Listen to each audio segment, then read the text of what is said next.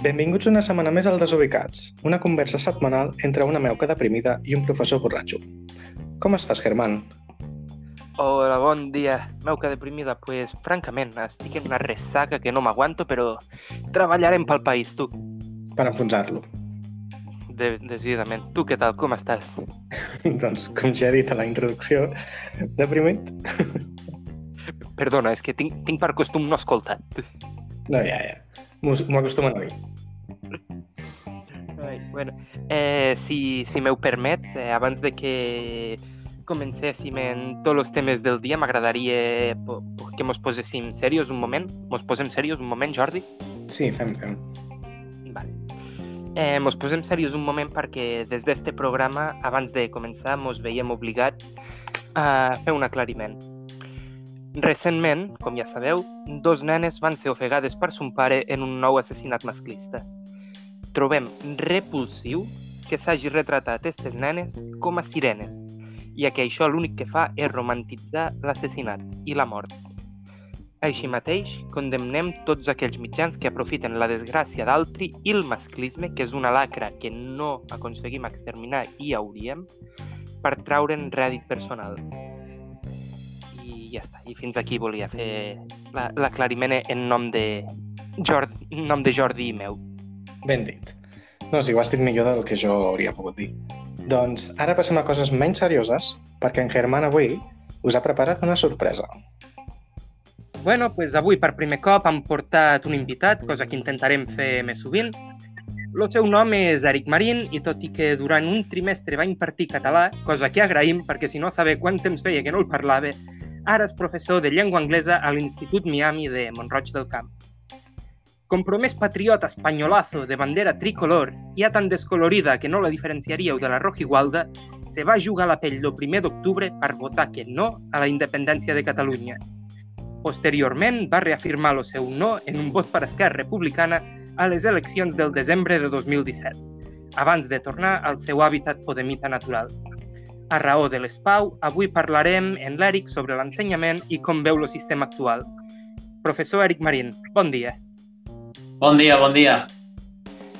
Com estàs? Què et sembla? Una introducció correcta? Encertada? Bé, bé, jo realment patriota no sóc gaire. Uh, bàsicament prefereixo la Unió perquè ja està. I, I no sé, jo la veritat és que no sóc molt patriota. Tiro per, per la tricolor perquè bueno, és una idea més d'esquerres que tenim. Cada vegada vaig tirant més cap a la tricolor amb l'estrelleta roja al mig, però bueno, jo crec que aquest canvi a, a tu t'agradarà, no? A mi personalment sí. A la gent que pugui no entendre la diferència entre la tricolor i l'estrella, un resum ràpid, quin seria? Bueno, diguem que la tricolor sense res seria una bandera que simplement reclamaria la República Espanyola, mentre que una bandera tricolor amb una estrella al mig ja seria més bé una república socialista. Llavors tu estàs tirant cada vegada més cap al socialisme. Jo m'estic m'estic tirant cada vegada més a l'esquerra, contra me, i cada vegada més a l'esquerra. sí, sí. Però com ho veig molt difícil d'aconseguir en, bueno, a la, mentre estigui jo, vi, o sigui, mentre jo visqui, doncs um, per ara vaig a poc a poc, no? T'adaptes al que hi ha. Sí, no em queda un altre. Vale.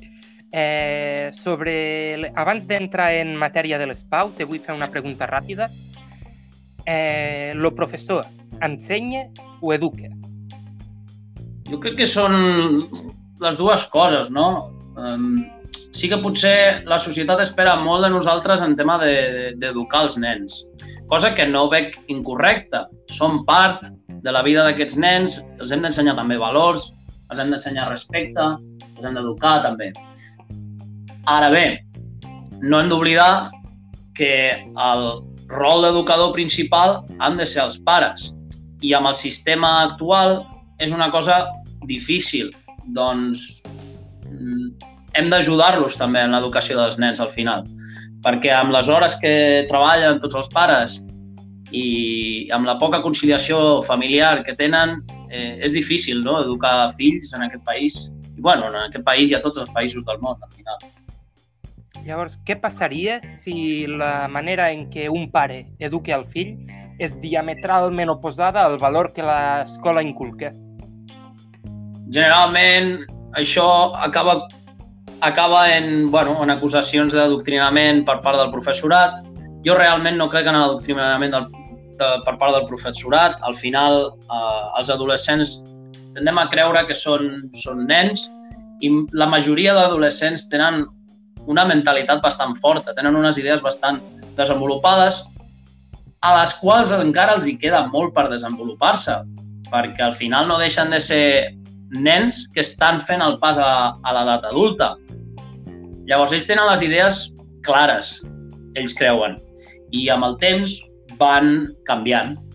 Ara bé, eh, està molt bé que des de l'escola se'ls ensenyi valors, se'ls ensenyi diversitat sexual, diversitat eh, d'idees, perquè ells en el futur puguin escollir quina és la idea amb la que se senten més còmodes. Si sols els ensenyem les idees amb les que venen de casa, llavors estem creant còpies. A raó d'això, com ja saps, a Múrcia es va impartir el PIN parental, com que ja m'has dit abans que tires molt cap a l'esquerra d'Estrella Roja, imagino que n'estàs totalment en contra. Sí, sí, sí, totalment. El PIN parental al final és una forma de manipular els teus fills. Los fills no són... no els eduques tu en la manera que tu creus? En esta, man Sí, però- esta manera crec la desconfiança cap a l'escola. Sí, es crea una desconfiança cap a l'escola cada vegada que, bueno, amb això del PIN parental, el que fem és cada vegada que l'escola ofereix alguna xerrada, alguna cosa que a mi no m'agrada, jo prefereixo eh, tancar el meu fill en una bombolla, que no sàpiga què, què se dirà aquella xerrada, que no sàpiga si a lo millor es pot sentir identificat amb aquella xerrada i el deixo ignorant, el deixo ignorant cap al món.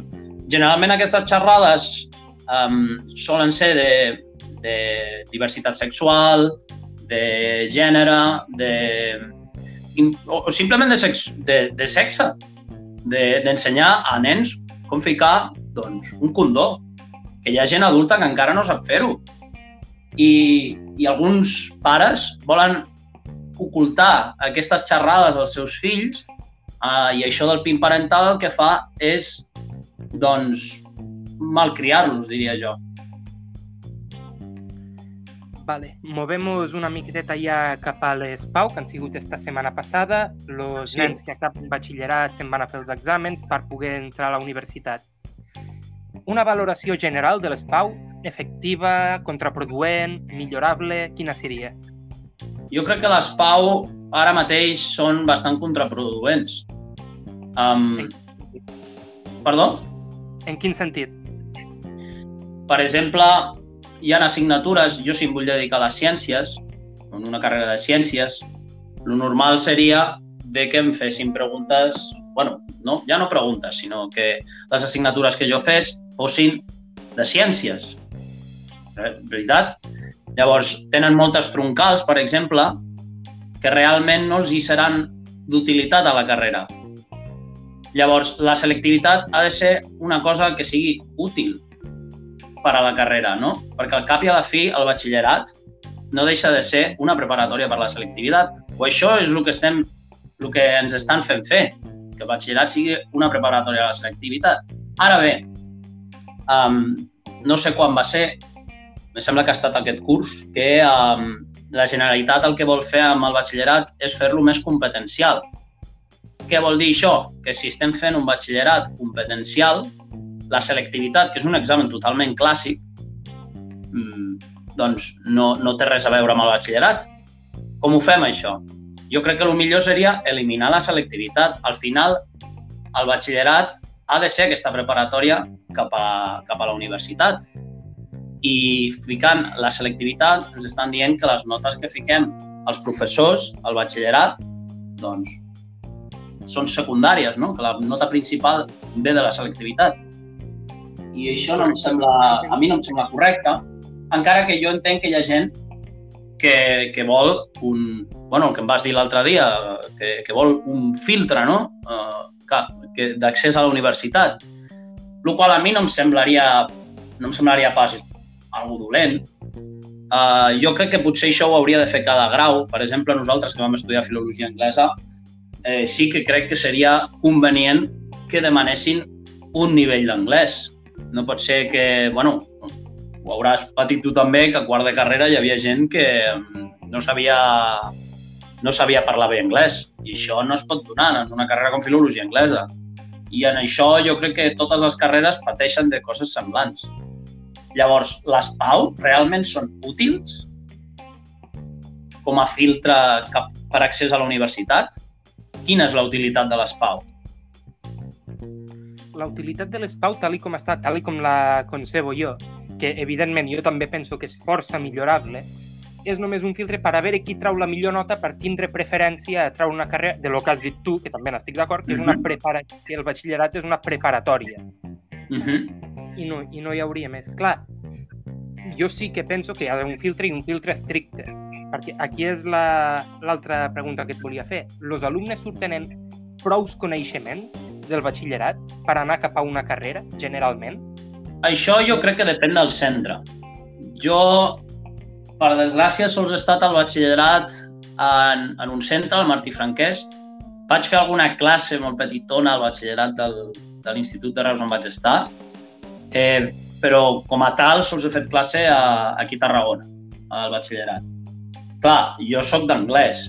El nivell d'anglès al centre d'aquí Tarragona doncs era força, força elevat. De fet, estaven fent un llibre de First Certificate Llavors, aquests alumnes surten preparats, surten amb bon nivell d'inglès? Generalment, sí. Ara bé, altres centres que fan altres llibres eh, i que potser el nivell és més baix, doncs pot ser que arribin a primer de carrera a filologia anglesa, per dir una carrera per, eh, com a exemple, no? I que no tinguin els nivells o els coneixements suficients com per, com per fer una filologia anglesa. És a dir, l'anglès en el que surten els alumnes de l'institut és generalment, tu creus, bo per anar a qualsevol carrera, però no o no sempre per anar a filologia anglesa. Mm, I tampoc diria bo per, per totes les carreres. És que també depèn de l'alumne, també depèn de l'experiència, del nivell sociocultural i econòmic que tingui la família. Hi ha molts factors que poden alterar això i un d'ells també sol ser la motivació personal, les experiències que ha tingut cada alumne envers l'anglès, eh, com se li hagi ensenyat des de petit, la, com se li hagi motivat des de ben petit. Eh, això és, és vital. I molts, ens podem fixar que molts nens d'instituts més complexos doncs, tenen pitjors nivells d'anglès. I això es deu, jo crec, a, a, a, bueno, a una forma de, bueno, de que no, no, no acabem de motivar, no acabem de trobar aquesta forma de motivar aquests nens a que aprenguin anglès de la forma més efectiva. I llavors, eh, quan arriben a classe, intentem eh, bueno, ensenyar-los anglès, amb unes classes de, de quasi 30 alumnes, és una missió bastant, bastant difícil. Hi ha hagut alguna vinculació entre els videojocs i l'anglès que parlen els alumnes, és a dir, la manera en què els, la, la gent petita, els adolescents, comencen a emprar paraules com lutejar, farmejar, estos verbs de nova creació vinguts de, de paraules angleses directament, uh -huh. dominen el vocabulari de molts adolescents i preadolescents. Això els ajuda a l'hora d'estudiar anglès?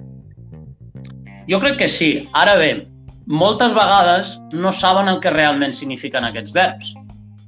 Això pot, pot passar. Per exemple, um, jo que dono classes també a acadèmia, a una acadèmia privada, um, m'he adonat de que molts nens fan servir la paraula ran, random. Uh -huh. I, i, I la gran majoria d'ells realment no saben què significa. Inclús la empren malament quan estan parlant en català o en castellà. Llavors, ells aprenen aquestes paraules com a préstecs que venen de l'anglès i la fan servir com ells ho veuen correcte. Al final acaba passant que algunes s'agafen de, manera, de manera incorrecta i, i acaben canviant el significat a la nostra llengua. Que això, bueno, sempre ha passat, de fet. Sobre, sobre agafar paraules de l'anglès és bo que el català agafi paraules de l'anglès desde luego d'una manera més accelerada últimament? Doncs aquí podríem ficar l'exemple de què passa si agafem préstecs de l'anglès eh, amb el castellà o què, agaf què passaria si agafem préstecs de l'anglès al català. El català, al ser una llengua força més minoritària que el castellà, Una eh, una mica, sí. Eh, doncs aquí podem trobar-nos problemes, de que cada vegada que eh, fem servir paraules que venen de fora, doncs el català mm, perdi aquestes paraules d'origen català, de veritat. Ara bé, les llengües van evolucionant amb el temps i llavors es van adaptant a la fonètica de, pròpia de la llengua. Llavors aquestes paraules, com per exemple, jo què sé, l'utejar que has dit tu abans, doncs eh, si es continua fent servir amb el pas del temps, doncs s'acabarà catalanitzant depenent de la fonètica de la, de la nostra llengua. Llavors, agafar-les està bé sempre i quan s'emprin a la parla informal, potser, um, encara bé, encara que um, pot haver problemes de, de perdre paraules originàries al català. Ara bé, al castellà passa el mateix, perdem paraules pròpies del castellà, que solen ser bastant, bastant semblants al, amb el català, però el castellà, al ser una llengua internacional, com, a, com és el cas de l'anglès, doncs és una cosa que pràcticament no podem fer res per remediar-ho. Perquè hi ha també- tants milions de parlants que és que és bàsicament impossible ficar, um, ficar el fre en, en els préstecs lingüístics. En el català encara podem fer alguna cosa, però és, una, és, és, una, és quelcom difícil, no? Desde luego, i fixa't en que lo català, si agafa paraules de l'anglès, mm, la cap enrere molt més que no pas si ho fes el castellà, perquè el castellà sota cap cas està en perill de desaparèixer. Mentre No, que no, el català per, per, per descomptar que no. Sí, sí. El castellà té una molt bona salut. I en, en castellà també ho he notat, per exemple, tothom avui dia fa servir la paraula cringe. quan Sí, Realment, lo mot genuí en castellà que és repelús i no ho diu ningú, o, o prima. o grima. I sí, no passa ningú. Cada vegada menys. En fi, sobre el sistema educatiu, una altra vegada, què és lo que s'hauria de canviar? La, la part més important que caldria canviar, si n'hi ha alguna. Jo crec que el problema més greu amb el que pateix el sistema educatiu, bueno, un dels problemes més greus, és bàsicament um, que veiem l'educació com, com una despesa més que com una inversió. I això ja crec que, crec que patim d'aquest problema tant a, tant a l'Estat com a Catalunya. Ho veiem com una despesa.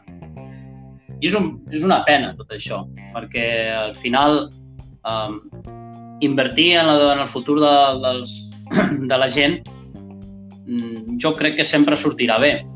Ara bé, també Espanya és un dels països que més inverteix. I què passa? Que tenim unes, uns percentatges d'abandonament escolar mm, que són molt alts, sobretot eh, si ho comparem amb la resta dels països de, de, de l'oest de- d'Europa. Llavors, Per una què? de les formes... Perdó? Per què abandona els alumnes aquí més que a d'altres llocs? Hi ha molts factors que poden influir en això i jo crec que un dels problemes no és educatiu, és més polític, és cosa del sistema. Per molt que modifiquem coses, si seguim getificant els barris, si seguim um, juntant tots els, tota la diversitat en un mateix lloc, serà difícil de gestionar. L'altra banda, per altra banda, també el fet de tindre aules amb tants alumnes al final ens perjudica tant els professors com els alumnes. Llavors, és difícil canviar això si no comencem a canviar també part del sistema. I jo crec que... Segons tu, un govern d'esquerres o un govern de dretes té molt impacte, un impacte directe sobre el sistema educatiu i com se desenvolupa. Realment no, perquè al final les esquerres i les dretes d'aquest país són pràcticament iguals. Unes parlaran més de temes socials, unes altres parlaran més de temes econòmics, però al final no, no, fan, no fan gaire cosa. Canvien alguna coseta, se'l barallen entre ells, canvien la llei educativa, ens comencen a ficar problemes als docents cada vegada que entra un govern diferent i, bueno, al final, què s'arregla? Poca cosa. En referència als alumnes, som els professors generalment massa estrictes o, pel contrari, els alumnes estan massa consentits? No crec que els professors en general siguin massa estrictes, ni crec que els alumnes en general estiguin massa consentits eh, ha vingut un canvi generacional molt gran des de, bueno, des d'aquests últims 20 anys i encara tenim docents que s'estan queixant de, dels canvis que ha vingut amb, amb les competències que, hi, que hi ha ara. Jo entenc que no estiguin d'acord. Ara bé, hem d'aplicar tot això de les competències i intentar fer-lo el millor possible per intentar veure si podem motivar aquests estudiants. Els alumnes estan consentits? Alguns sí, alguns sí. I arreglar això és molt difícil. I llavors hem de treballar el màxim que puguem per intentar motivar-los, perquè al final la motivació és el que, és el que importa, no? l'educació. Un aprèn si està motivat. Rarament aprens uh, si no estàs motivat. Al final se t'acaba oblidant tot. Però bueno. És un, és un dels problemes que tenim, que a l'institut, això ho vaig veure quan hi cursava i ho estic veient aquest any també quan faig les classes, que tot se basa en memoritzar dades i vomitar-les i oblidar-les. És un problema greu, això? Sí, sí, sí que és un problema greu, perquè al final qui és el que treu la major nota? Doncs el que és una persona més organitzada, el que sap retindre més la informació. Um, però hi ha gent que treu notables, inclòs excel·lents, i n'hi agafen un llibre en, en tota la setmana. Són gent que reté la informació bé, però no, estan, no, és una, no són gent organitzada. Ara bé, aquests que són molt organitzats i que són molt constants també ho poden fer bé. Què passa? Que els que els hi costa molt organitzar-se i no retenen bé informació, doncs els hi costa la vida perquè si preguntem um, teoria pura i dura i els hi fem vomitar, al final no aprenen. Aquesta informació que han retingut per aquest examen l'acabaran oblidant dos dies després. Llavors, amb això de les competències que tenim ara a, a, aquí a Catalunya, realment uh, no, se, no se diu en cap lloc que haguem de memoritzar um, dades um, i després vomitar-les en un examen, no? Les competències el que, el que ens diuen és eh, de ser competents en diferents àmbits dintre de cada assignatura. Llavors, jo les que conec són les de l'anglès. Les de les altres assignatures, música i història, doncs no, no, no, soc, no les conec bé. Però en anglès, per exemple, les competències que s'avaluen doncs, són l'oral, l'escrita, la de comprensió lectora, i tot això, en un examen de vocabulari, de gramàtica, no es recull. Els hem d'ensenyar com escriure, els hem d'ensenyar com parlar, els hem d'ensenyar com entendre. Després hi ha una altra competència, que seria la, una altra competència que seria la de literària. Jo no hi estic molt d'acord en aquesta, perquè crec que una cosa que, a la que s'obliden sempre és de potenciar la cultura dels països de, de llengua anglesa no sols la del Regne Unit, que aquí també, eh, en aquest país, pequem molt de promoure la cultura britànica, i, bueno, la britànica, l'anglesa, sí. i, i, i no sortim d'allí, no? Perquè jo, per exemple, com es diu en castellà, valga la redundància, no? Sí, la redundància, no. Eh, sí, jo sí que sóc molt d'esquerres, no? Però jo sempre m'he decantat pels Estats Units. Eh, sembla, sembla una contradicció, la veritat, però sempre he intentat no, mostrar la, la cultura dels Estats Units eh, als alumnes, però no sols la dels Estats Units, m'agrada també ensenyar la cultura d'Irlanda, és un país que jo m'estimo molt, Irlanda, intento ensenyar la cultura d'Escòcia, intento ensenyar la cultura del Canadà, perquè al final la, la cultura d'Anglaterra l'acaben aprenent, sí o sí, perquè al final per proximitat i per importància històrica, doncs és més fàcil que l'aprenguin. Llavors, en lloc de tindre aquesta competència literària, crec que aquesta competència literària podria entrar dintre d'una competència de cultura que no sols es centri en literatura, perquè un idioma es pot aprendre també amb cinema, es pot aprendre amb videojocs inclòs, es pot aprendre amb música i, òbviament, amb literatura. Però, bueno, suposo que ha quedat clar això de les competències més o menys. Llavors, cal tirar més cap a un model que se centri en fer treballs, més que exàmens? Jo crec que sí, no? Sobretot treballs en grup. Hem d'aprendre a cooperar, hem d'aprendre a treballar en grup, perquè al final um, tanta competitivitat el que farà és intentar que ens xafem entre nosaltres i el que hem d'aprendre és a viure en, en societat, aprendre a acceptar les diferències dels demés, aprendre a respectar els demés, i és una cosa que, bueno, aquest, el sistema actual no promou gaire. I és una pena. Però, bueno, se fa el que es pot des de, des de l'educació, la veritat. Una pregunta ràpida ja per acabar. Los indults, a favor o en contra? Jo estic a favor. Ara bé, no crec que serveixin de gaire, perquè al final ja ha quedat demostrat que, que, que ni, tant, ni, ni Esquerra Republicana ni, ni, ni bueno, aquest, aquest munt de, de partits de dreta que es canvien el nom cada dos dies tampoc fan res, ni per la independència ni per la gent. O sigui que, a favor, sí.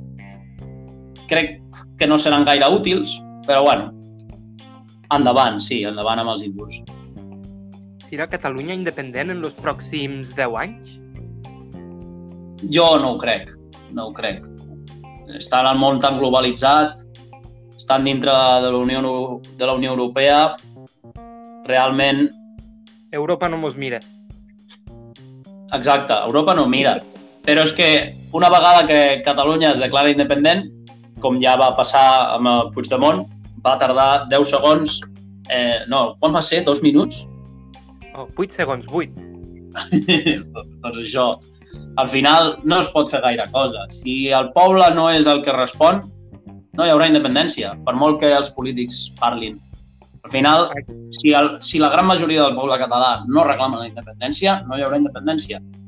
Per molt que hi hagi un 51% de, de gent catalana adulta que vulgui la independència, no, pot haver, no podrà haver independència si no és el poble de català pràcticament sencer el que surti als carrers i reclami la independència. Aquí ho teniu, amics. El professor Eric Marín advocant per la via militar. Totalment a favor. bueno, jo no he dit de forma violenta. Bé, se sobreentén. Anirem a comprar tanques a Rússia. Uh, sí, a Rússia va a Chechenia, que està més al sud. Eric, moltes gràcies per haver estat aquí avui en Nan 3. Una abraçada res, molt forta. Eh, sé que a vegades sembla que no m'explico molt bé, sóc una mica, no, com es diu en castellà, tartamudo, no sé com es diu en català. Tartamut? Sí, em costa molt de, dir les paraules, a vegades me, me, me atra, atrabanco, com es diu això? Antrabanco. Uf, a vegades, em, a vegades em costa parlar, tu. I mira que sóc de lletres, eh? Però bueno. que això ja no estàs fent de profe de català. Soc una mica tartaja, no? Eh, sí, bueno, vaig ser profe de català el meu primer any. L'experiència, bueno, va estar bé perquè al final era, era un català senzill de primer d'ESO, però, però clar, és que jo no sóc profe de català i, i no els hi puc transmetre la mateixa passió que podria transmetre'ls un verdader, un verdader profe de català, saps? I, i clar, fer assignatures que no són les teves, doncs no, no, no, a mi no m'agrada no, no acabes de, de transmetre'ls la, la passió per, per la teva assignatura. Però bueno, En fi, Eric, mos veiem aviat. Gràcies per haver estat aquí. apa, gràcies a tu. Una abraçada. Adéu. Ara, després d'aquesta entrevista tan breu, anem als temes del dia. El primer tema... Se, t'ha fe- se t'ha fet curta, eh? Sí, sí, curtíssima, curtíssima. El primer tema seria la immunitat del Puigdemont, que la torna a tenir, bàsicament. O li volen... Sí, la té poquet. Desenvolupem. Puigdemont i la immunitat és una miqueteta com aquella parella que tallen i tornen a estar junts i tallen i tornen a estar junts cada 5 minuts. No funcionarà per res Sí, i és inútil intentar-ho, però eh, allí estan. En resumen, eh... En, re en resumen, espera, que estic pensant en resumen. Penso que la cosa sí. va anar algo així com a que el Parlament Europeu li va retirar la immunitat perquè ho va demanar Espanya o alguna cosa així, sí. i li van traure. I Puigdemont va fotre un recurs i va dir no, que jo la vull. I això se fa extensible a Comín i Ponsatí, però estos no són tan mediàtics. No. Eh, I el Parlament Europeu llavors los hi va acceptar el recurs i els hi han tornat temporalment, lo qual voldria dir que ara tenen immunitat per entrar a Espanya. Mm, però Espanya ha dit que aquí tenen ordre de cerca i Sí. captura i si hi venen, los fotran a la presó. Bàsicament igual- seria... O sigui, igualment saben que no tornaran. Home, no, que no, no volíem fer un embat democràtic en l'Estat. Seria molt normal que tornessin aquí, no? Sí. No sé, o sigui, jo vull saber ara mateix la Rahola què pensa. Vol que torni el seu, el seu amo, vol que... el seu ídol, perdó. Eh, vol... El seu amo. Ja, m'estic passant. Vol M'ha imaginat a, la- a la Rahola vestida en, en cueros ara mateix. Eh, no em sorprendria. Oh, antisemitisme. Sí, eh, o sigui, em fa molta gràcia... O sigui, és un tema que, tra que tractarem després, però em fa molta gràcia. Quan, quan critiques qualsevol cosa de- d'un estat inventat, diuen antisemita, eh, no estic parlant de la seva gent, estic parlant de l'estat. És com si ara dius que per parlar malament de l'estat espanyol odies els espanyols. Que hi, ha gent, que hi ha gent que els odia, ja ho sé, però no estic parlant Eh, sí, d'això. ara, dir... No, no. Vull dir, no, no odiem els espanyols. Em donen bastant igual. Molt, vale, la, posi la posició és que mos donen igual los espanyols, ja està. Era, era només Per fixar línia editorial. No, però per mi són com els francesos, saps? O sigui, quan diuen ah, és que els odies, no. O sigui, em donen igual, són veïns, Ah, prefereixo... no, sí, sí, els, francesos sí. Sí, hi ha molta gent que els odia, també. Per això dic, vull dir, a mi em donen igual tots dos. Prefereixo no veure'ls i prefereixo que no vinguin ni, i que no m'estiguin dient com he de fer les coses, saps? Però que cadascú estigui a casa seva i en pau i tranquils. No? No, no n'estic gaire d'acord. Jo, amb molts- jo amb els francesos els mataria i amb els espanyols també. Ja, però és que tu ets tu i a més a més tens immunitat perquè estàs en un altre país. Sí, és, és la, la Bèlgica de fora de la Unió Europea. Ah, és veritat, que ja no ets un ciutadà de la UE. No, sí, que jo encara soy espanyol. Ah, és veritat. O sigui, A ho veure, quan ets, ho ets, però ets fora de la UE. O sigui, és igual, això no, no ve al cas. El, El, los, los ciutadans espanyols de Schrödinger. Exacte. Um, doncs això, el senyor Puigdemoni ara Mm -hmm. podria tornar Sí, per, per venir aquí de vacances, com fan molts, molts belgues i francesos. Podria venir aquí a estiuejar, però no ho farà. Només dic això. Puigdemont, si volgués acabar el seu Erasmus d'una vegada, i si fos veritat tot el que diu de l'embat democràtic en l'Estat i que no renunciem a res i no surrender i, le, i els eslògans buits de contingut que ens estan colant, es Sí. diria des del dia 1 en un cotxe venint cap aquí i si realment vol un embat democràtic, que vingo, a veure si, i si Espanya l'arresta, que l'arrestarà perquè Espanya també són una colla de dirigents subnormals i diré, oh, està aquí pues, a la presó, llavors potser sí que me començaria a creure que volen fer algun, el que ells li diuen l'embat democràtic. Que des de luego una altra cosa no, però en naming los catalans som la hòstia. Sí. Mm. però no, no ho faran perquè, evidentment, no, ni se ho plantegen. La- L'embat democràtic, ni la independència, ni, ni l'autodeterminació, ni molt menys. No, però també faria molta gràcia tots els megafans que té el, el Carles. Mhm. Si de sobte el detinguessin, què dirien? Que és valent per, per venir aquí i per deixar que el detinguin? O que és un covard per deixar que el detinguin, com han fet amb tots els altres? Hmm. Uf, és, estàs bona. Jo, au, jo personalment, la meva posició és que seria valent de vindre aquí. O sigui, seria un acte de valentia, evident, perquè saps el que t'espera. Sí. També t'he dit que, de la mateixa manera, el que hauria de fer segurament seria anar a la Generalitat i refugiar-se allí. Ja. I que, i, que la, I la gent sí, perquè la gent sortiria a fotre el cos. sí. El que passa que els altres, en lloc d'anar a refugiar, se'n van anar com a corderets cap al jutjat i venga, tanqueu-me. Penso que aquesta és la diferència fonamental. Bueno, la diferència és que l'altre està fora i no tornarà. Està vivint a Cuerpo de Rei, així que... Evidentment. Bueno, és igual, sí. Um, parlant dels altres, els que eh, es van deixar de tindre, um, sembla que el tema dels indults avança al mateix ritme que el procés. Mm, vols dir que los tenim a tocar? Bé, potser, potser els indults avancen més ràpid, però sí, també... O sigui, genera més conversa el, el tema dels indults que no pas les accions que s'estan realitzant al respecte. Saps què vull dir? Sí, i dels indults se n'ha parlat molt. Mm, Sánchez té moltíssimes ganes d'indultar-los, jo això m'ho crec. Mm, Fins i... No, sí, no, no era ironia això, eh? Jo, jo crec que té ganes d'indultar-los perquè és un marron que ja es traurà de damunt. No sé. Jo, que sóc de l'opinió de que no vull los indults, jo, de fet, i això... Jo vaig firmar el manifest del PP per a que no els indulten, jo l'he firmat. Sí, ho vas comentar, ho vas comentar. Penso que l'únic motiu pel qual vull que els indultin, l'únic, és que així d'una puta vegada deixaran de donar pel sac en la repressió de l'Estat i presos polítics i bla bla bla que me tenen ja fins als ous. És l'únic motiu. Però pel resto que es pudreixin a la presó per traïdors.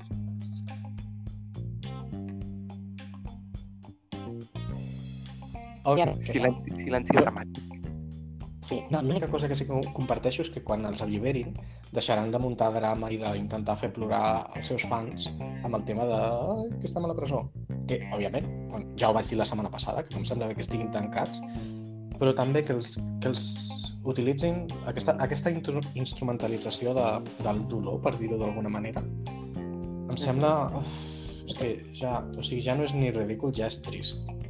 I que hi hagi més de 3.000 represaliats i que només es centrin en 12 o en 15, només perquè són persones de pes, Conegudes. Sí, sí, em, em toca molt la pera, és del pal.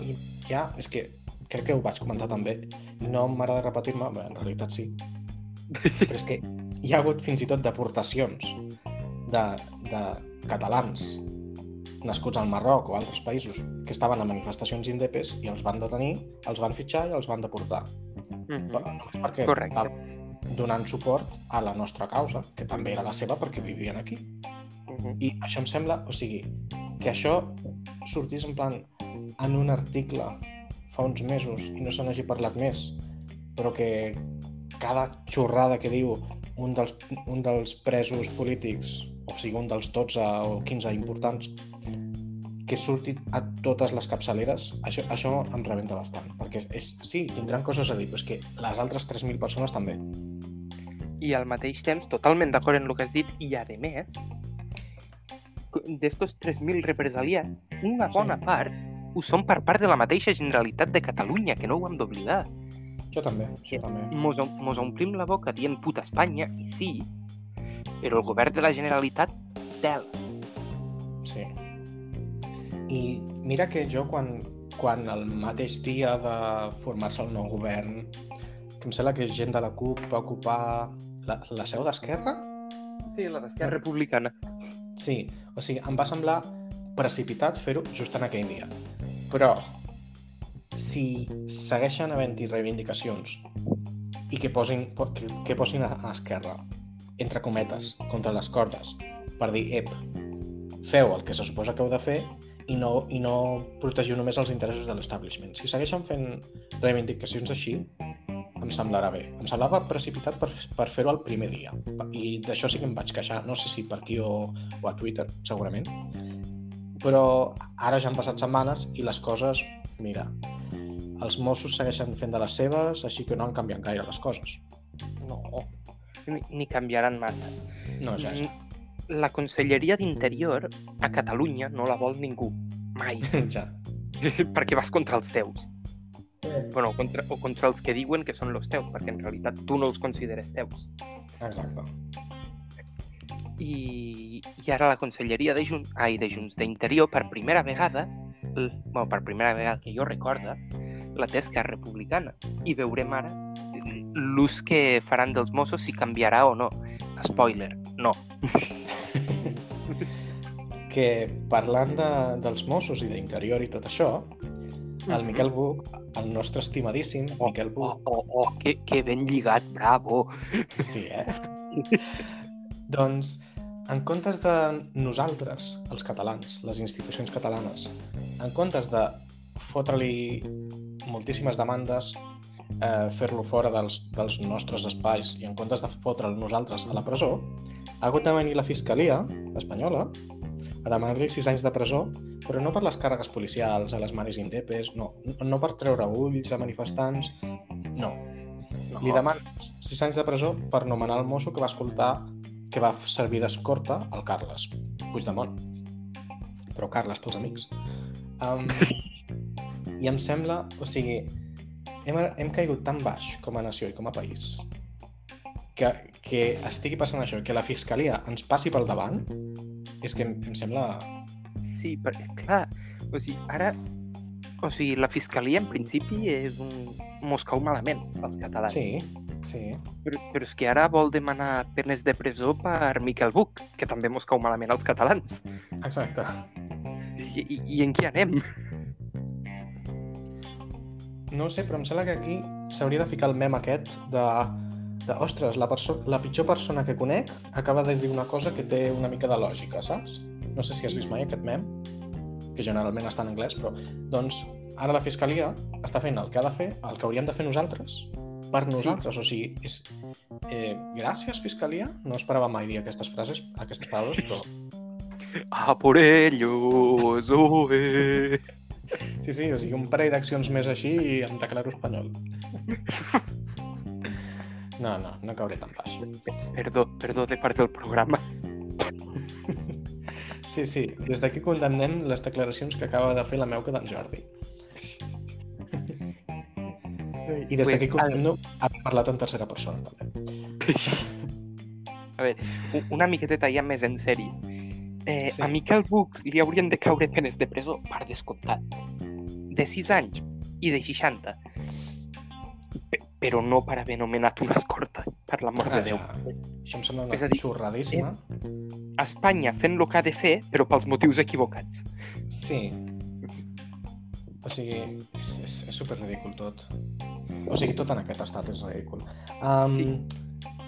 Com per exemple, um, que és la nostra primera setmana vivint a l'edat de pedra, perquè ara, com que han pujat la llum, la gent ja no pot fer servir l'electricitat durant el dia. Per tant- Que per això, Això. estem gravant ara aquí a, a altes hores de la nit. Exacte. No, però... O sigui, sé que ho vam comentar la setmana passada, de que pujava la llum i tal, i els efectes, a veure, fins que no comencin a arribar les factures a tothom, doncs la gent no començarà a posar el crit al cel. Però sí que es nota pel, pel malestar social que n'hi ha, perquè, òbviament, és, és fins i tot a, el, els de Podemos, mm, perquè em sembla que tenen, no sé quines conselleries tenen, ara tenen unes quantes, però han, el Garzón ha dit en plan, sí, sí, eh, eh, ha fet memes i ha fet comentaris en plan, sí, les, les energètiques parlant de les begudes, que dius, eh, ets tonto, i, i un altre de, de Podemos ha dit que es reuniran per, per mirar de que no estiguin tan cara la llum a segons quines hores i és, és, no, no, no, és que no és a segons quines hores és que fi, Mira, eh, això és molt bo perquè Podemos, que s'omplia la boca en campanya electoral que només governant ells podrien plantar cara a les elèctriques, sí, la plantada de cara que han fet ha sigut reunir per intentar que la hora de me menys cara, en lloc de començar a mitjanit, comenci a les 10 de la nit. Ah, sí. És dir, A- Això és, a lo que, això és a lo que aspiren, això és el puto asalto a los cielos. La- L'esquerreta espanyola és... És que és una broma de mal gust. Sí. No O sigui, és que les seves xorrades són com les de segons quins processistes, que són molt... tenen discursos molt, molt potents, però després a l'hora de la veritat es, es, es, es caguen a, als calçotets i no... saps? Mhm, I no fan cap de fer. Totalment d'acord. bueno, sí, com per exemple eh, el tema de, de, Col de la manifestació de Colón que hi ha hagut avui o ahir era. Eh, Colón, quan és... No, va ser el diumenge. Fa, do, fa dos dies, perfecte. O sigui, no perfecte, però um, la, mani la manifestació aquesta que era suposadament contra els indults, però després va, va... O sigui, hi havia fauna de tot tipus, des de la dreta més extrema fins a l'extrema més dreta. Tot, totalment. I, sí, sí, i era en plan, sí, sí, és pels indults, però després veies allà coses eh, anti-LGTB, coses masclistes, coses anticatalanistes, i dius, eh, què se suposa que esteu fent aquí? O sigui, això no és una, és una, no és una barbacoa de, de cunyaos, o sigui, Home, una mica sí que ho va fer. sí, o sigui, va acabar sent això, però vull dir, centreu-vos perquè esteu, esteu taradíssims i, i, i es veu perfectament que esteu tarats. El, el problema és que dos d'aquests partits de, cunyats estan a les portes de tenir majoria absoluta. No sé si la manifestació aquesta els perjudicarà o beneficiarà, perquè han quedat molt ridículs, però estan... Almenys el PP està, ha remuntat moltíssim aquests últims mesos. Lo PP ha remuntat a costa del poquet que li queda a Ciutadans, que ja, Sí. Sí. que ja res. I Vox... No ho sé. Personalment vull pensar que Vox ha tocat techo. Potser. Vull pensar. Perquè lo votant més espanyol i radical ja, ja hi està, a Vox. Va haver una Ah, època... pensava Pensava que, anaves a dir, pensava que anaves a dir que el, votar, el votant més, més radical i espanyol s'ha mort durant la pandèmia perquè eren iaios de 70 i pico anys. Algun n'hi haurà. Segur. Però no, el que te vull dir és que mm, segurament la transició de votant del PP a Vox ja ha acabat Hmm. i el votant que és més espanyol i més fatxa ja hi està a Vox perquè ja el coneix. Va haver una temporada de transició on Vox va menjar tant de Ciutadans com del PP i en això va arribar al 54, em penso que en té, que és una borrada. Sí. Però ja a partir d'aquí se mourà 5 amunt, 5 avall. Pe- Però ja, que continua sent una borrada. Sí. però penso que fins aquí ha arribat Vox. El votant del PP quedarà en un votant de dreta i centrodreta, que estirà votant en un partit de dreta, Hmm. però que com a mínim té un discurs econòmic li, i liberal relativament lògic i defendible, tot i que n'estigues totalment en contra de lo que diuen, però lo defensen, mentre que el discurs de Vox està sempre buit de contingut i són quatre eslògans fàcils. Sí, podria ser. A veure, jo també penso que ara l'efecte Ayuso es notarà durant uns mesos, saps? Sí. I després, quan passi tot això, quan el PSOE ja deixi de caure i quan Ciutadans ja desaparegui del tot, potser sí que es reequilibren una mica les coses, però sí que veig això de primer for primera força PP, segona força PSOE, no sé la diferència, sincerament, que hi haurà d'aquí mig any, i tercera força Vox, que depèn de com vagin els propers mesos, es consolidarà o farà com Podemos, que bueno, està allà, però no, no puja, sinó que baixa a poc a poquet, saps? Jo penso que eh, en Vox va ser diferent de Podemos. Podemos, des de que surt a les eleccions, l'únic que ha fet ha sigut baixar. Sí. Podemos, quan surt a l'any no sé quin, no sé si 2012 o 2015, abans del 15 segurament, Sí, abans del 15.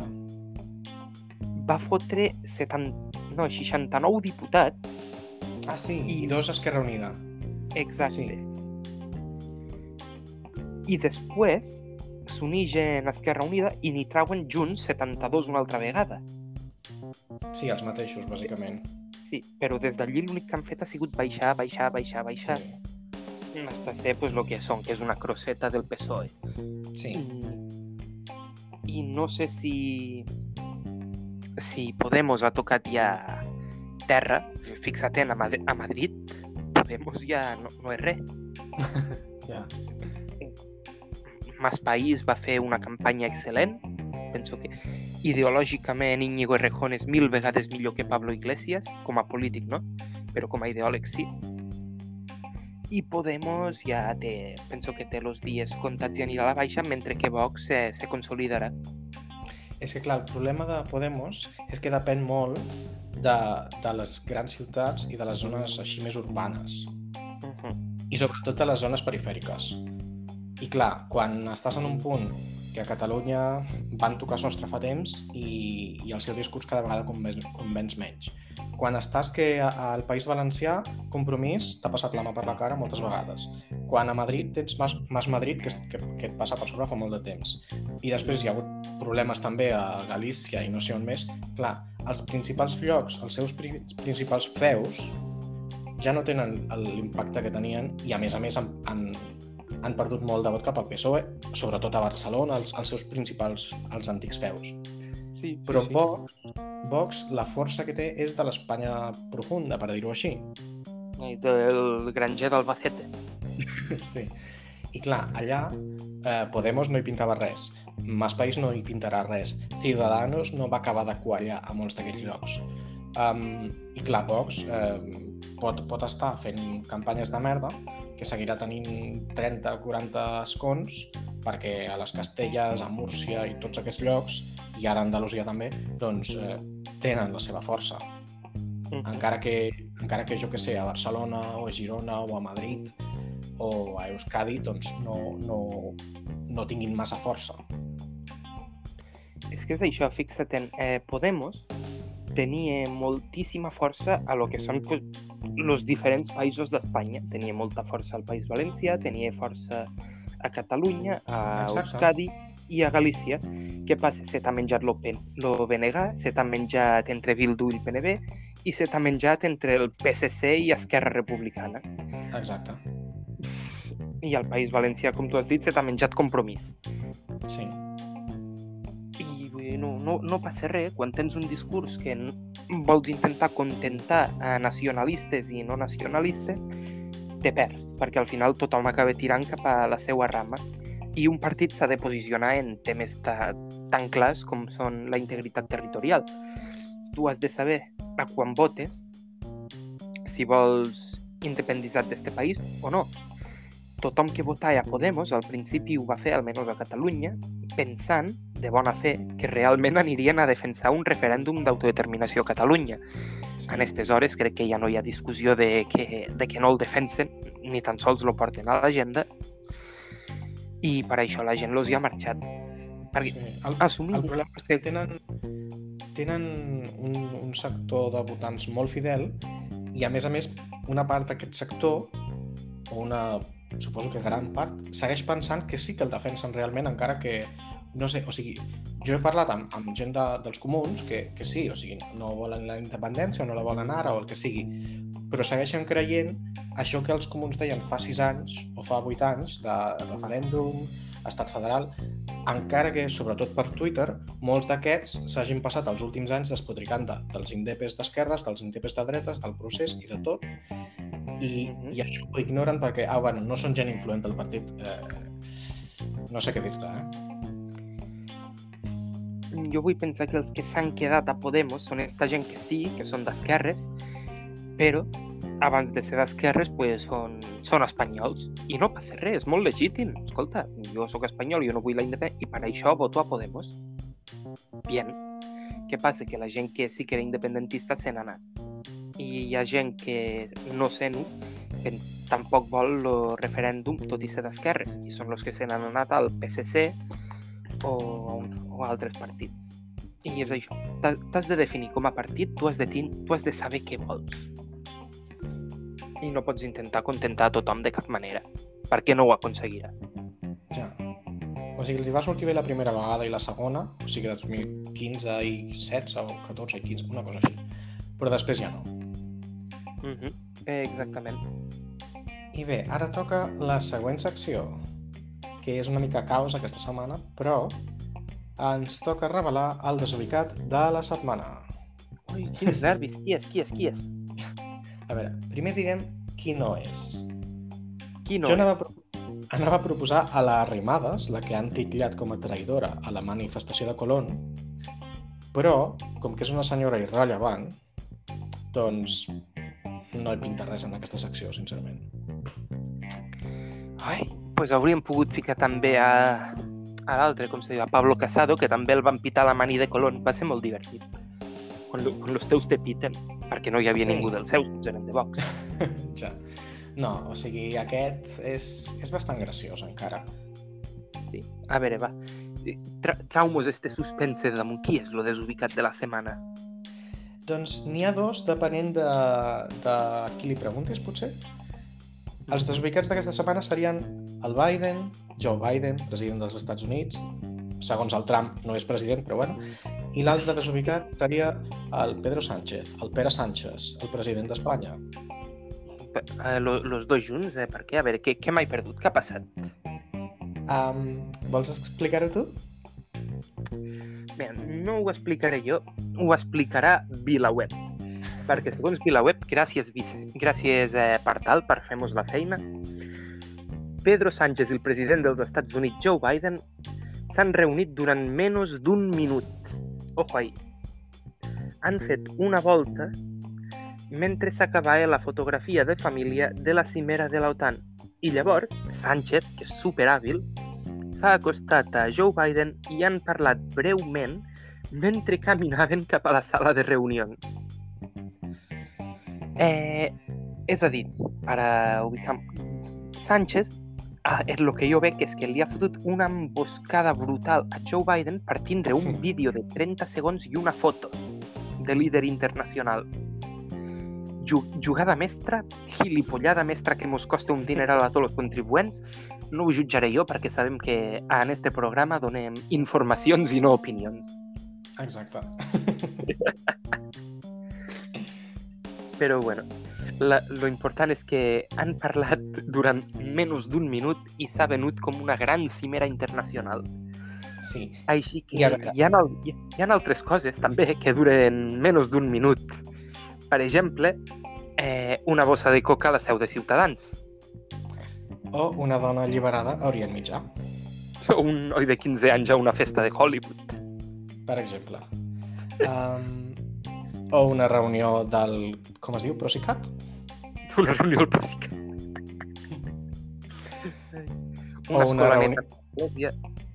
També. O una reunió, per exemple, de l'antic govern efectiu i del nou govern, com es digui.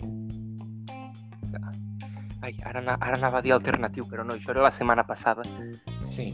No sé, no sé quin, quin, quin sobrenom té el nou govern, però és igual. Um, El govern, lo govern no, enca, encara no té nic. Va, doncs els hi diré lo govern. doncs això. Um, per mi, el Biden seria candidat a desubicat perquè és un xeruc que ja no sap ni on para. Ja estava anant a la reunió aquesta de l'OTAN i se li cola un admirador que resulta ser el president d'un altre país i se li, posa a, i se li posa a parlar durant un minut i ella estava allà en plan de què, què està passant? On, on soc? I la meva medicina? I després el Sánchez també seria candidat a desubicat perquè es pensava que estava fent una jugada mestríssima o mestrívola, com es digui, um, intentant colar-se-la al president dels Estats Units i després s'ha quedat amb les ganes perquè ha sigut una encaixada de mans, una foto i un adeu. No, Sí. i un... Per, perdoni, qui és vostè? I ja està. Així que tots dos ho són i cap dels dos ho és. Són el desubicat de Schrödinger. Això és ja meme de, de cultura, eh? Aquí estem accedint a, a públic de nivell intel·lectual. Moltíssim, sí, sí. Eh, mira, I, saps lo digues. meme aquell... Ara anem a parlar de memes un rato. Saps lo meme aquell de lo tio que està a la discoteca menjant-li l'orella en una noia i la noia se'l mira en cara de però què polles dius, pavo? Sí, són britànics o escocesos, em sembla. Però bueno, continua. Pues esta seria una miqueteta la història de la reunió. Pe Pedro Sánchez menjant-li l'orella a Biden, ell, que, que jo soy el presidente de, de country, de Spanish president. I Biden dient, però què fas aquí? Se senyor, suélteme el brazo. I segur que el Polònia ha fet un, un gag sobre això. Perquè. Ai, això, això haurem d'esperar fins dijous per a veure-ho. Es, espera, és veritat, estava pensant que era la setmana passada. Sí, sí, sí. No, Dijous, això, va, això va passar ahir, o abans d'ahir, però no, no la setmana passada. Doncs espero que hi hagi alguna cosa, perquè si no, em queixaré, com fa tothom últimament. No, home, no, no te queixes, que és molt dolent queixes. em queixaré al, al compte de, de Polònia. Ep, que el capítol d'avui no hi ha hagut això, us deixo de mirar. Ui, sí. No, és que és, és obrir Twitter i veure el tip 40 tuits cada, cada dijous. Jo ja fa temps que no miro el Polònia, ja no miro TV3. Doncs deixa de parlar de TV3 si no la mires, pesat. És que... Eh, a, a, mi, a mi personalment Polònia el continuo mirant, però Sí. cada vegada me fa menys gràcia. Va, va haver un temps durant el procés que era espectacular, però ara ho, ho sento molt, ha perdut moltíssima força. És una pena. Escalf per a Toni Soler, que ho deu estar passant molt malament al seu xalet de luxe. Sí, moltíssim. Es deu estar jugant les llàgrimes amb bitllets de 500. Que, per cert, jo, durant, jo que sé, 25 o 28 anys o 30 anys de la meva vida, estava convençudíssim de que aquest home era gay. I després em van dir, no, no, si, si té dona i filles o fills, no me'n recordo què era.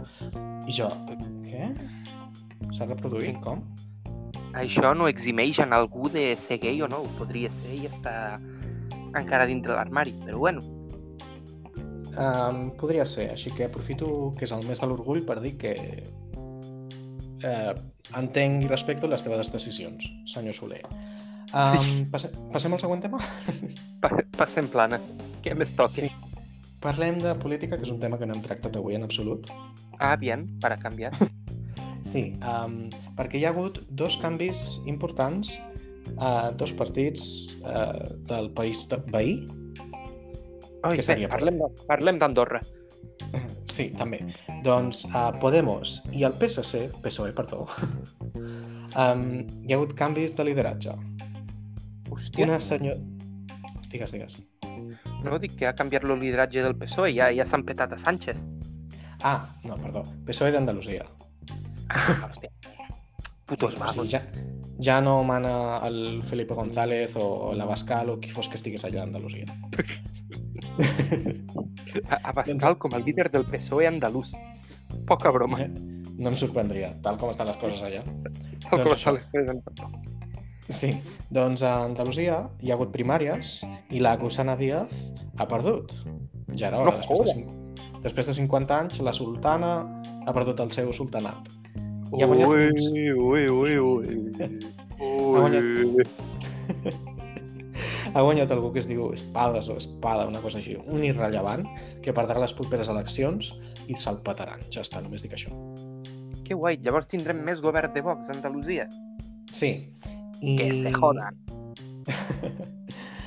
I a Podemos, la Ione Belarra substitueix Pablo Iglesias, que és una dona que és popular relativament entre els seus votants, per tant, Ah. suposo que suposo que li anirà bé a Madrid. A fora de Madrid no ho sé.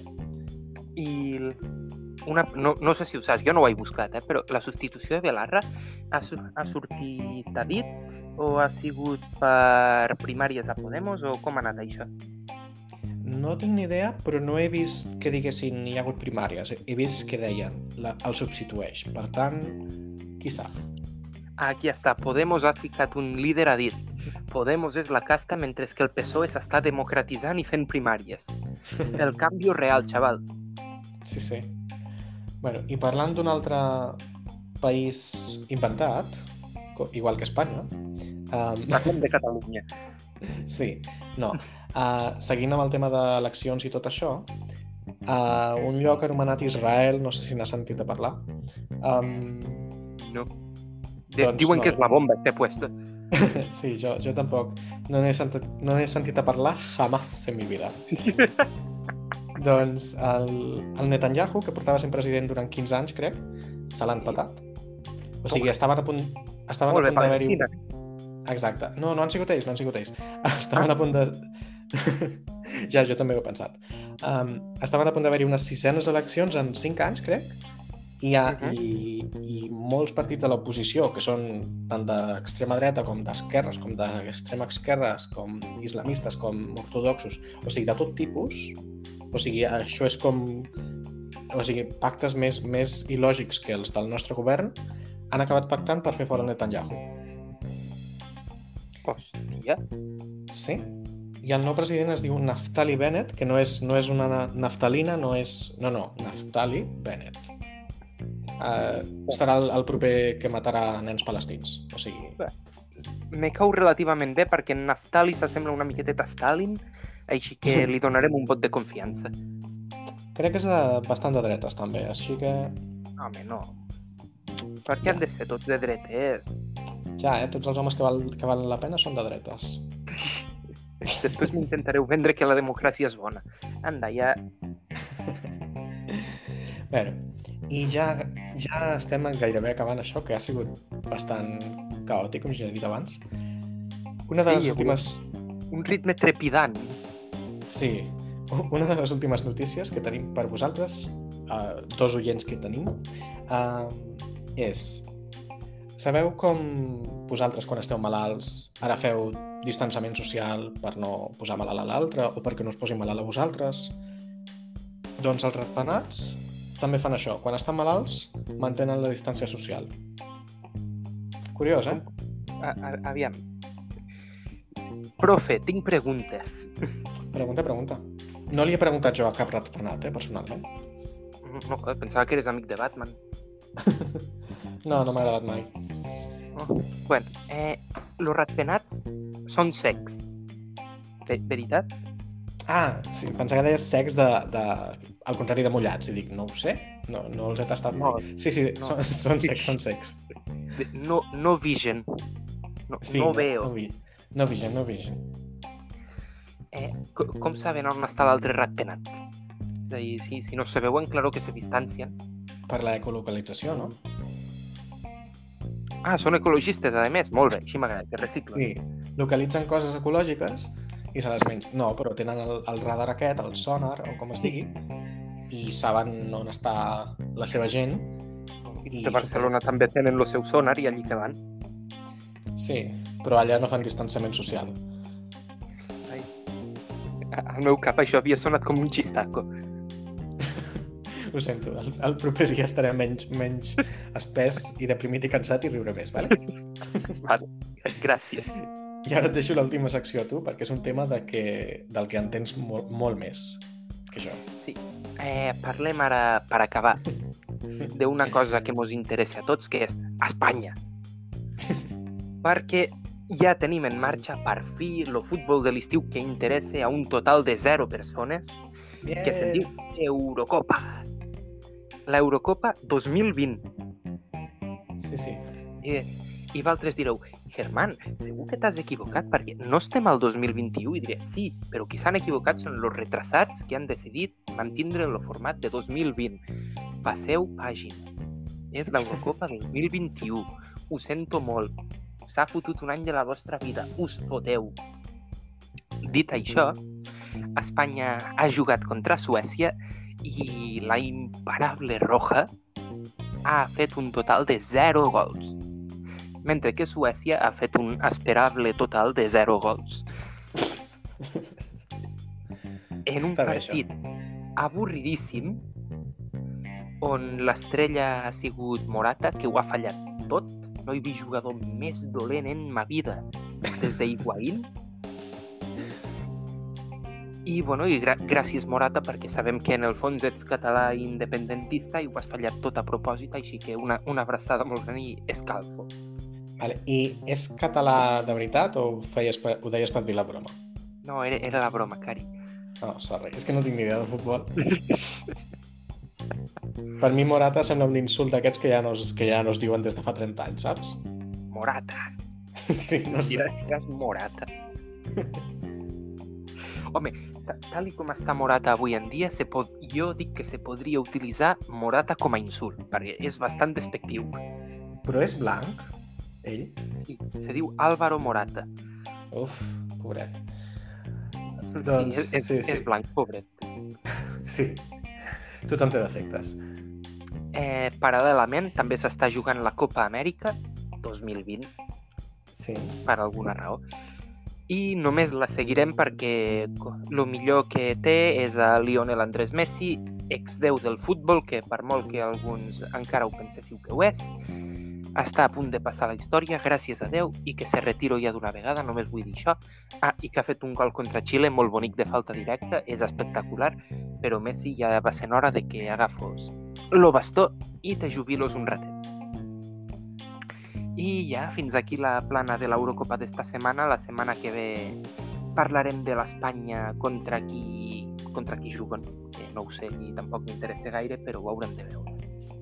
I O ja està, sigui- i això és la notícia. La setmana que ve hi haurà un altre país al qual haurem d'estar a favor, no? Sí, això, és, això no tindre la teua selecció nacional jugant és molt cansat perquè has de veure en, en qui, a qui dones suport. Ja. Imagina que Espanya juga contra Israel. Hòstia, no. No, home, no, que és l'Eurocopa, Israel no juga. Ja, bueno, és que com que estan a Eurovisió, com que estan a, a la, comu- això sí. La comunitat econòmica també hi són? No. En un altre orga- organisme europeu també hi eren i em vaig quedar buit. Pues no me'n recordo. Ara sí que... Passem pàgina. Ai, mira, mira, mira, mira. Jugaran, per si ho voleu saber, lo dissabte contra Polònia. Uau, ja sé què faré el dissabte. Qualsevol cosa excepte això. que capullo. Eh, No, però bueno, sempre m'han agradat molt els homes polonesos, així que ara ja tinc un motiu més per donar-los suport al seu equip, no? sí, tu queda't en el nom de Lewandowski, que és molt bo. I, i fa metro 80 no sé quan. A més, és... Oh, metre 80, així m'agrada. Ja el buscaré per Google. per favor. I penso que ja, no? Ja, ja hem dit tot el que havíem de dir. Mos queda alguna No, hem, hem tractat tots els temes, encara que no ho sembli. Sí, no? Sí, hem parlat de... Sí, tot, tot, tot. Pues, Doncs- bueno, Ah, sí, di- digues tu el comiat, que se't dona millor. sí, pues, com us diem sempre, fins aquí hem arribat. Tornem la setmana que ve en més notícies de merda que no us interessen. Visca Catalunya i, com sempre, puta Espanya!